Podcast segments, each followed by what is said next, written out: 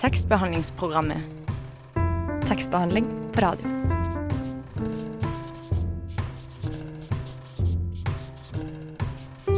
Tekstbehandlingsprogrammet.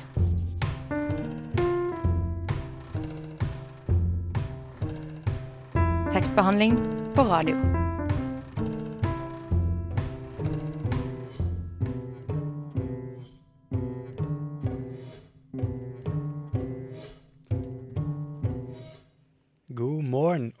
Velkommen til tekstbehandlingsprogrammet, Radio Novas beste og eneste litteraturprogram. Jeg er Robin, og med meg i studio i dag er Mari. Hei, Hei, hei. går det bra? Det går veldig fint. Å, så bra. I uh, dagens sending blir temaet lyrikk. Vi skal snakke om dikt, om aforismer og om alt imellom. Dagens gjest i studio er derfor Steinar Opstad.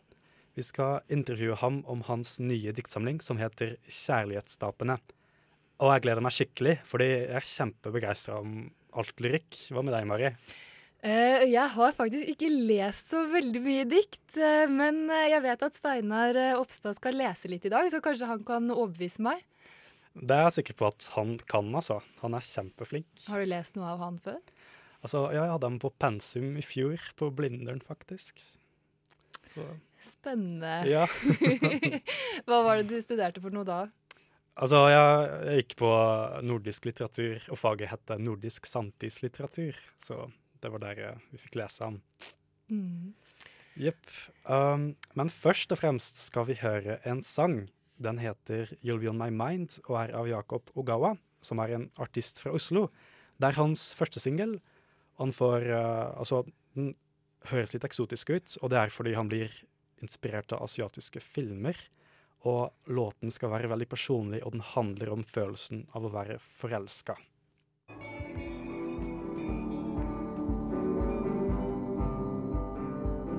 Tekstbehandlingsprogrammet. Når du vil lese med ørene.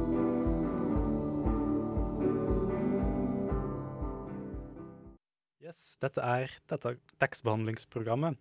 Og i studio i dag har vi Steinar Opstad. Han er, eller han må være en av våre fremste diktere, altså.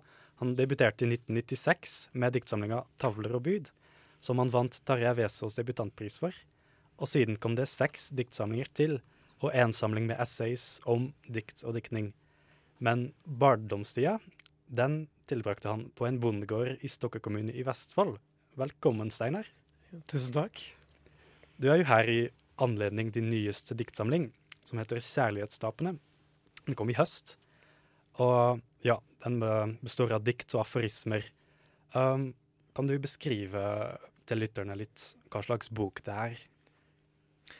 Ja, det, den skiller seg nok en del ut fra mine tidligere eh, bøker, som har vært rene diktutgivelser. Eh, dette er en mer en blanding av ulike former. Det er fragmenter, dikt, aforismer i en salig blanding. Og jeg oppgir på en måte ikke hvor, hvor, hvor man har aforismen og hvor man har dikt hen. Er, jeg har bare blandet disse formene sammen. Um, jeg vil si det er en mer filosofisk eh, type bok. Uh, teksten er mer reflekterende, og kanskje ikke like billedorienterte som uh, diktene mine bruker å være. Kunne du kanskje lese litt fra diktsamlinga? Det kan jeg gjøre. Det fins ingen virkelighet som står over en annen. I en ideell verden fins ingen idealer, og overhodet ingen Gud. Det var den vinteren jeg gikk til messe. Hver gang fikk jeg for meg at jeg så Kristus. Fra vesper og de gudeviede søstrene sang, vendte jeg hjemover med tårer i øynene. Men det jeg tenkte nesten like mye på som selve mysteriet, var at dette tør jeg ikke å fortelle til noen. Under messen begjærte jeg Kristus, like intenst som en naken kropp, og jeg gråt på samme måte, som etter et dypt og skjellsettende samleie. Jeg kommer fra en slekt av såkalt lettrørte, og som barn så jeg ofte foreldrene mine gråte. De lettrørte gråter ikke for å stille smerten til skue, siden det for de lettrørte ikke fins flere forestillinger å vise i dette sjelens teater. Tusen takk. Vi skal høre at du leser litt mer eh, senere i sendingen også. Um, men uh, nå så lurer jeg litt på hvor lang tid har du brukt på denne diktsamlingen her? Hvis det går an å Akkurat denne har jeg vel brukt tre, tre og et halvt år på. Uh, men ellers så bruker det å gå noen år mellom hver diktutgivelse for min del. Sånn tre, fire, fem år. Så mm. Og uh, hvordan gjør du det? da? Liksom, hvordan skriver du? Har du en sånn arbeidsdag der du setter deg foran skrivebordet og sånt, eller kommer diktene bare sånn midt på dagen, eller? Det varierer veldig. Ja. Jeg har ulike måter å jobbe på til forskjellig tid. Altså det begynner som regel med at jeg skriver frem et veldig stort materiale, og så skalles dette av eh, til noen kjerner, språklige kjerner. Uh, og det, det det er alltid ulike prosesser fra bok til bok. Og um, i et av diktene skriver du at um, når jeg dagdrømmer, så tenker jeg på meg selv som en arbeidsom og tankefull benediktermunk. Tror du, eller Hvorfor er en dikter som en munk? Kan man sammenligne det med det? Nei, det, det er noe mer en subjektiv uh, erklæring, da. Ja, ja. Um, jeg har alltid drømt om å få leve helt i fred og tilbaketrukket. Og jeg har sett liksom meg selv rake løv i en klosterhage eller noe sånt. Men uh, det er Ja. Nei, det er ikke dikteren er ikke en Munch. Nei. Og um, du snakka jo innledningsvis om at det her er litt, en litt annerledes diktsamling enn de andre. Um, fordi du ikke bare har rene dikt. Uh, hvor, hvorfor, hvorfor, har du valgt å gjøre noe annerledes nå? Kanskje ikke så enkelt spørsmål, men uh, var det noe mer som lå bak? Det er et, egentlig et behov jeg har hatt for å reflektere over egen poetisk praksis, da. Gjennom syv diktutgivelser tidligere. Mer renskårne og liksom sjangertypiske dikt. Um, um, og, og, så har jeg hatt et behov for å på en måte tenke over hva jeg har gjort mm, så langt. Jepp. Vi skal uh, snakke videre med deg seinere, men først skal vi høre på en sang. Her kommer 'Matadora' av Sophie Tucker. Vi hørte på 'Matadora' av Sophie Tucker. Og med oss i studio er fortsatt Steinar Ropstad, og vi snakker om hans nye diktsamling 'Kjærlighetstapene'. Um, vil du kanskje lese noe mer av boka? Når du lyver, blir øyet ditt vått, og kinnet ditt slapt som et valmueblad styrtet til jorden av nattens regn. Når du er likegyldig til det den andre sier, puster du som en gammel hund i kurven hos en enslig kvinne. Poeten ser alt dette og noterer det i sin bok. Det er ikke noe menneske forunt å være en utvalgt. Likevel tilber mange av oss Herren Jesus og kaller ham den salvede. Eloard skriver at det fins en fugl større enn vinden. Men livet har lært meg at så fort det kommer tre eller fire andre fugler flyvende, så blir vinden igjen den største. Tusen takk.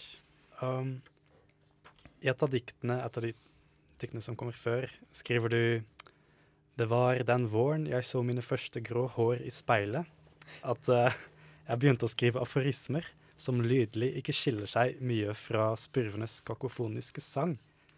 Og ja, aforismer er disse små prosastykkene, eller en del av disse små Mm. prosastykkene i diktsamlinga.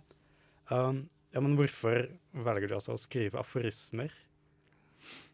Eh, Jeg hadde lyst til å reflektere mer over hva poesi er i denne boken, og ikke liksom skape rene dikt.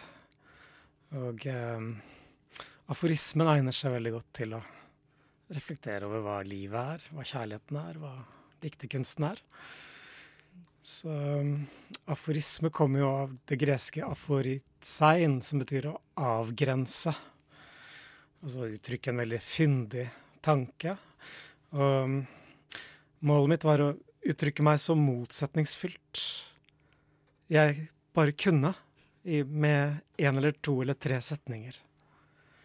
Og så å si hente poesien ut av paradokset.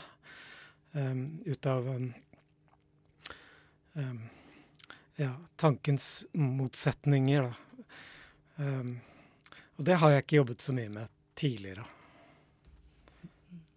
Altså heller paradokset enn liksom det lydlige, da, for det høres ut som um, spurvenes kakofoniske sang. Skriver du sjøl, så var det liksom prioriteten å fokusere på innholdet framfor formen, da?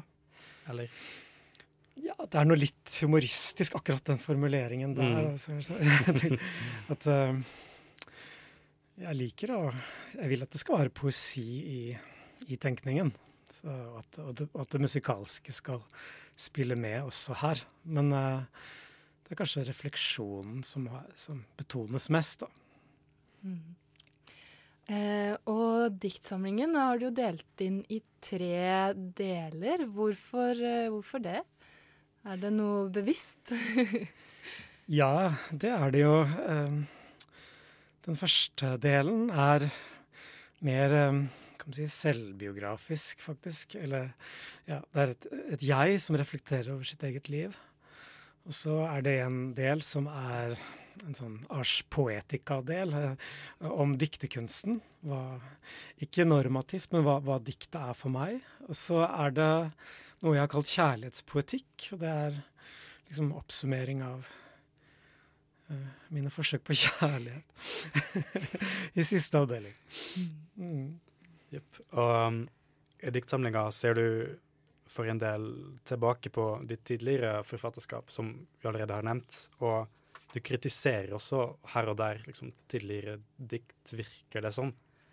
Um, blant, blant annet liksom, snakker du om bruken av de, disse jordsbrukmotivene og årstidene i Å høye dag, din forrige diktsamling. Um, hvorfor gjør du det? Altså, var ikke disse diktsamlingene gode nok? Eller? Um, Jeg stiller meg selv en del spørsmål. Mer, mer undrende. Liksom, hvordan havnet jeg i, i Liksom så veldig klart inn i den metaforikken. Uh, um, jeg har lyst til å lø, løse opp, bry, bryte opp um, litt i min egen praksis, da. Uh, snu kortene, uh, slik at jeg kan komme videre i min egen skriving. Um, det er ikke sånn at jeg refser eller er veldig hard mot meg selv. Jeg, jeg, jeg anerkjenner på en måte hver diktsamling som nødvendige stasjoner på veien. Men, uh, men uh, det er jo Ja, jeg, jeg liker å snu kortene av og til.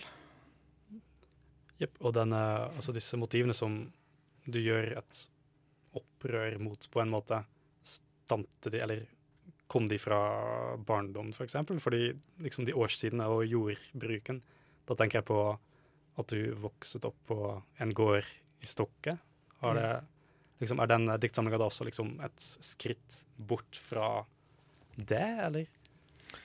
Um, jeg tror aldri man kan rømme fra barndommen, men um, jeg har blitt litt kjent da for den, at jeg er sånn pl plogfurene mine.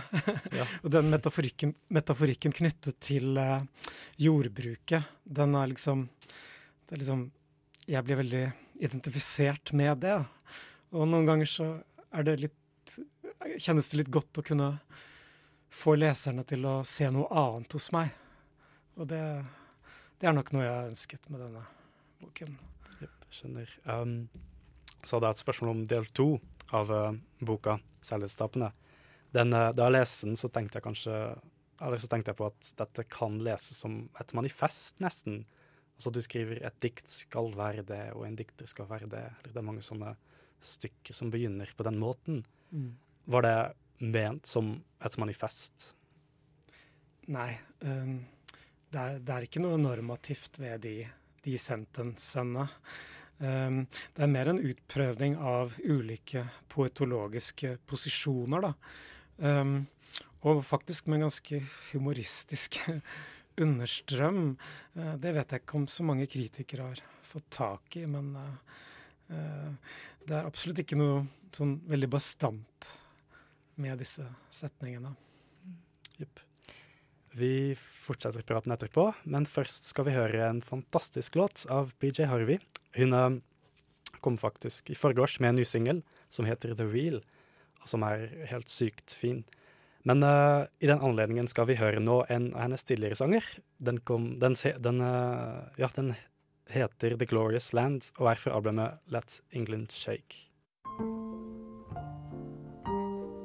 Tekstbehandlingsprogrammet hver onsdag på Radio Nova klokka ti. Du hørte på PJ Harvey med The Glorious Land. Og Det hører fortsatt på tekstbehandlingsprogrammet, og vår gjest i studio er Steinar Ropstad. Vi snakka akkurat om eh, del to av din nye diktsamling som heter eh, Kjærlighetstapene. Og den uh, andre delen den snakker vi om kan leses litt som en poetikk, eller nesten som et manifest. Um, og du har lyst til å lese litt fra den, sa du? Den uh, poesien som ikke kretser rundt et ingenting, er ingenting. Poesien er en hengiven tenkning. En tenkning som har som mål å få tanken til å vise seg.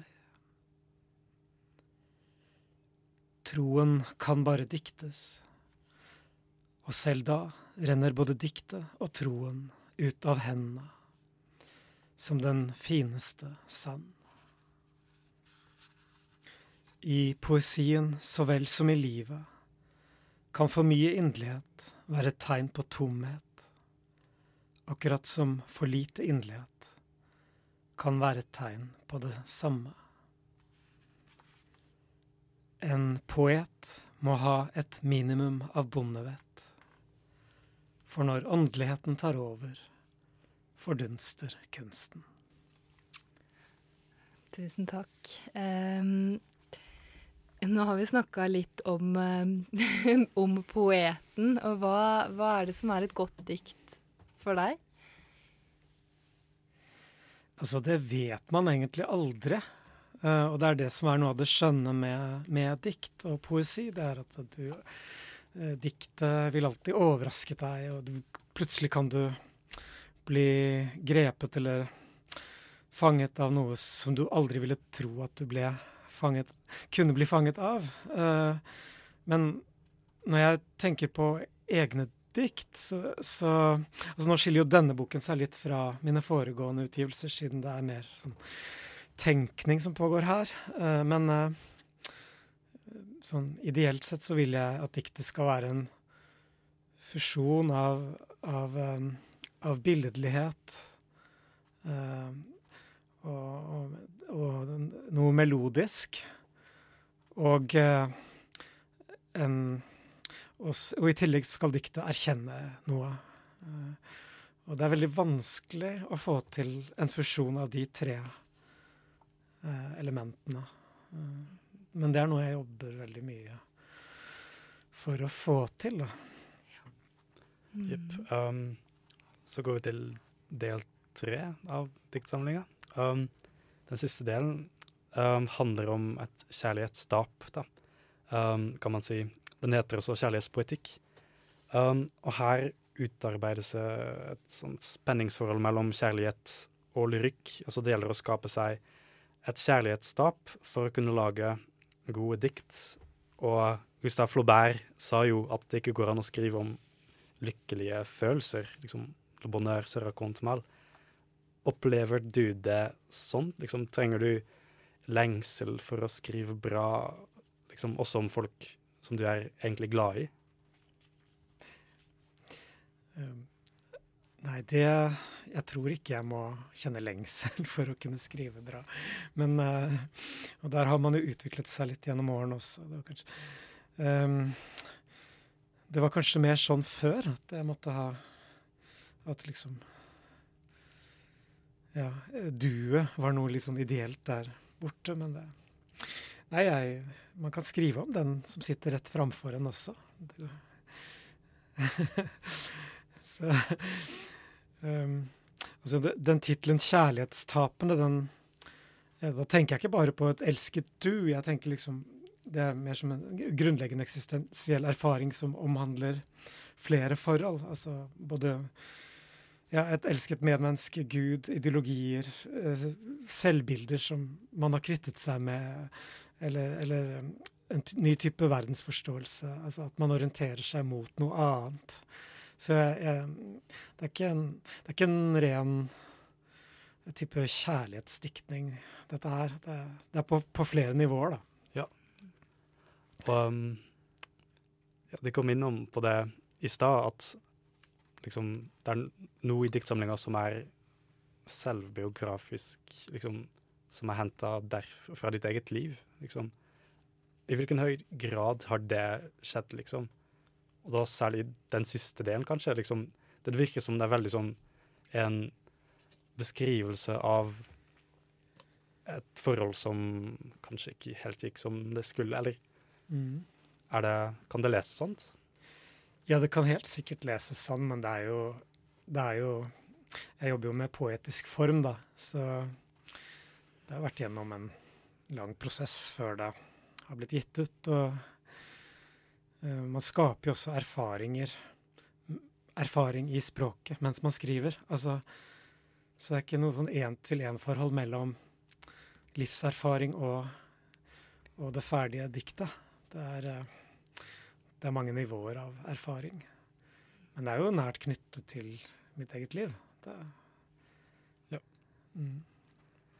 Um, du skriver i et av diktene, altså et av de skikkelige diktene som er liksom i strofer og sånt, skriver du at bønner lyder som dikt, eller at du ikke skal skrive dikt som høres ut som bønner. Um, og nå lurte jeg på, er hvert dikt som du skriver, en eller annen bønn? En, ja, og til hvem da, hvis det skulle være en bønn, liksom? Uh, nei. Uh hvert dikt jeg skriver, er ikke en bønn. Uh, de er mye forskjellige, disse diktene. OK. Ikke noen bønn, men vi skal høre på She Devils med låten I Wanna Touch You. Du hørte på sangen I Wanna Touch You av duoen She Devils. Og Steinar Ropstad er fremdeles hos oss, og vi tenkte at du kanskje ville lese noe for oss under en omvendt himmel, Sankt Halvard kirke. Kjære Gud, forby meg å skrive bønner som lyder som dikt, der jeg står i huset de sier er ditt. Hvordan forvandle tomhet til Gud, eller Gud til en omvendt kuppel, og ikke et spir synlig for verden en kuppel av grå betong, fylt med miskunn. Nei, fylt med dueskitt, regn og solens varme. Den som ser, gjør rett i å leve bortvendt. Det er hans rett, og hans rett skal bli hans skjebne. Og enda står jeg her og priser et usynlig måltid og lar tusen år gamle bønner fylle munnen, så en varme brer seg i kroppen. I huset de kaller ditt, ber jeg ikke lenger om hvordan ordene i bønnene mine skal lyde. En bønn får lyde som den vil. og Guds tak kan strekke seg oppover som et spir, eller det kan falle ned som en regndråpe mot en åpen hånd. Kunne jeg gråte, vil jeg også kunne få sove, tenker jeg. Men jeg får verken til å gråte eller sove. En gang var vi små, som knyttnever i våre mødres liv. Så la meg få sprenge meg gjennom til den dype søvnens natt, der blodet er rødt, og der tårene står i de levendes øyne som knopper av gravmyrt om våren. Tusen takk. Um, du skriver en del om kristendommen, altså i det første diktet som du Eller om troen i det første diktet som du leste. Handla det jo om liksom Du var i en kirke, eller det situerte seg i en kirke. Um, kan du liksom fortelle litt om det? Hvilken rolle spiller tro i, i diktningen din? Det er vanskelig å snakke om tro og om religion. Um, og det har vært en ganske stor konflikt i meg helt siden jeg debuterte med det min ja, i 1996. Det er nå 20 år siden. Uh,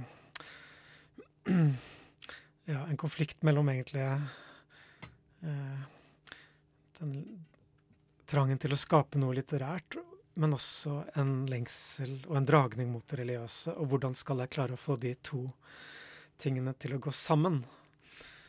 Um, men det føler jeg nok mer og mer at det gjør. At jeg har At jeg skriver Klarer å skrive om tro i, i diktene mine nå på en helt På en mer avklaret og moden måte enn jeg gjorde i de første samlingene. Um, det er ikke lett i Norge å skrive om det fordi det har vært så utrolig mye um, ja, fordommer og ja, Det har vært tabu på en måte å være kristen uh, hvis man er skjønnlitterær forfatter. Um, men når, når, det er sagt, så skriver jeg ikke, ikke en form for konfesjonell poesi, føler jeg. Nei, jeg, jeg Den føler er mye sånn, mer fri, fristilt. mm. um, men jeg berører spørsmål om tro og også kristendom. Ja. Ja. Um, I et av diktene i del to skriver du um, poesien har mange prester, men få, få profeter. Um, og prestene, skriver du seinere, de er um, utholdelige. Um, hva skiller altså en prest fra en profet? En poetisk prest fra en poetisk profet? Det klarer jeg ikke svare på. Det er bare diktene som kan svare på det, egentlig. Skal jeg ha et lite avslutningsspørsmål? Er du en profet? Nei, overhodet ikke. Nei. Jeg er bare en litt, liten dikter. Ja. Steinar Ropstad, tusen takk for intervjuet. Takk for at du kom.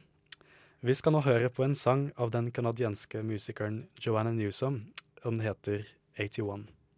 Tekst, tekst, tekst, tekst, tekst, tekst, tekst, tekst, tekst, tekst, tekst, tekst, tekst, tekst. Litteratur er mer enn bare ord.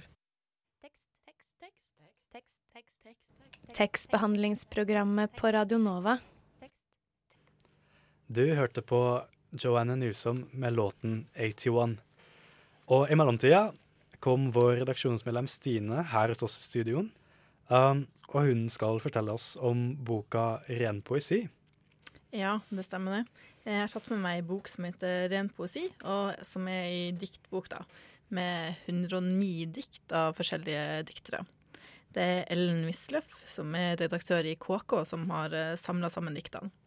Boka starta som en Instagram-profil, men uh, hun har uh, nå fått over i bokform, da, som har blitt gitt ut på Cappelen Dam i fjor høst.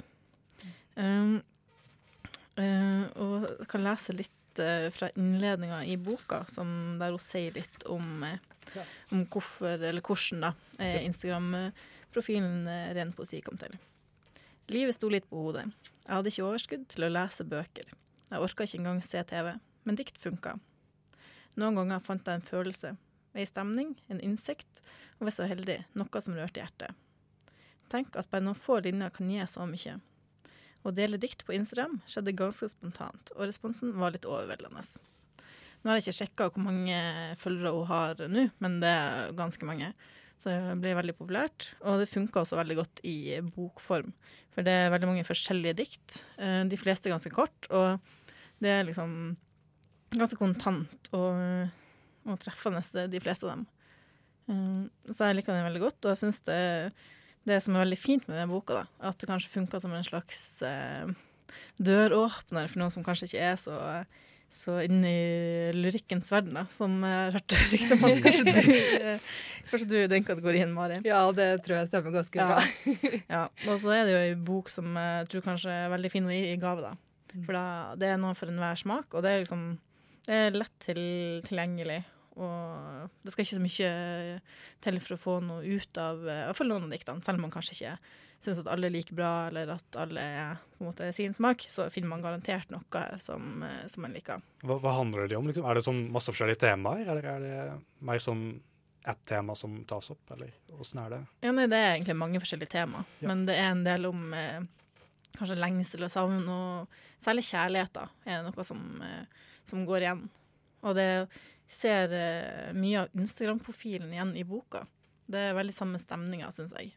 Uh, Er det bilder i boka? Nei, det er ikke det. Og det, det er det jo på, i noen av diktene på Instagram. Det varierer veldig. Uh, jeg intervjua henne før jul, og da sa hun at det kom litt an på hva om hun hadde boka tilgjengelig. Da tok hun bilde av boka, og hvis ikke, da så skrev hun kanskje bare inn på notepaden på iPhone. Sånn, så det varierer veldig. Og diktene er sånn som hun eh, kommer over sjøl når hun har lest, eller, eh, eller blir tipsa fra, fra lesere på, eh, eller følgere da, på Instagram. Er det sånn kjente forfattere, eller er det mer ukjente Ja, det er 69 forskjellige diktere eller forfattere, hvis jeg ikke tar helt feil. Eh, og blant dem er Frode Grytten, eh, Nils Øyvind Haagensen, Tarjei Vesaas og Ruth Lillegraven. Så det, det er veldig mange forskjellige. Det er en del litt eldre, så det er en del nye. Og det er til og med noen som bare er på en måte rene nettpoeter, eller hovedsakelig det, som har delt eh, sine på, på Instagram og blitt plukka opp der av Ellen Wisløff. Eh, og så tenkte jeg at jeg kanskje bare kunne lese et eksempel på et dikt som eh, finnes i denne boka. Da. Det heter 'Gjenskinn' og er skrevet av Trygve Skau. Noen dager lyser sterkere når de er over. De sier god natt og gratulerer samtidig. Verdens varmeste følelse er å vite at man var på rett sted, til rett tid, for en gangs skyld. Og det er egentlig ganske typisk for, eh, for den stemninga som jeg i hvert fall finner eh, i boka når jeg leser den. Og jeg syns den er, er veldig fin og veldig lettlest. da. Og det, selv om man trenger jo ikke å lese hele i et strekk, for det er jo ikke samme dikter som har liksom komponert og satt sammen sånn. Men den er veldig fin å kanskje slå opp i hvis du trenger en liten oppmuntrer eller eh, noe å tenke på, eller ja, egentlig uansett, syns jeg. Så eh, jeg anbefaler den. Syns den var veldig fin. Så Mari, kanskje du skulle få lånt den og tatt en liten titt? Så kanskje du hadde blitt eh, enda mer interessert i lyrikk enn du kanskje har blitt etter denne sendinga. Ja, ikke sant. Mm. Den sendinga har nok hjulpet meg veldig på vei, i hvert fall. Jeg fikk jo nesten frysninger her av å høre på dikt. Ja, det er veldig hyggelig. Jepp. Um, ja, takk, Stine. Um, nå skal vi høre på en låt av den belgiske musikeren Sella Sue. Hun er uh, kjempepopulær der nede i Belgia, og også i Frankrike og sånt. Men hun forblir ganske ukjent her i Norge, føler jeg. Og det er jo veldig synd, så derfor valgte vi den her. Her er Sella Sue med 'This World'. I dag snakket vi om lyrikk. Vi intervjua Steinar Ropstad og snakka om hans nye diktsamling 'Kjærlighetstapene'. Og redaksjonsmedlem Stine omtalte en bok som heter Ren poesi. Jeg var Robin van der Walle. Med meg i studio var Mari Nyberget. Stine Spjelkavik Hansen var også med, og Oda Archer var tekniker.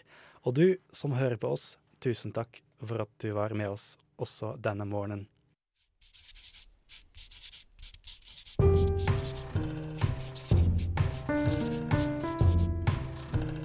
Tekstbehandlingsprogrammet. Tekstbehandling på radio.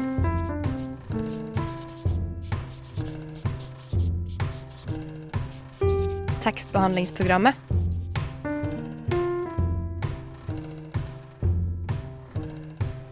Tekstbehandling på radio.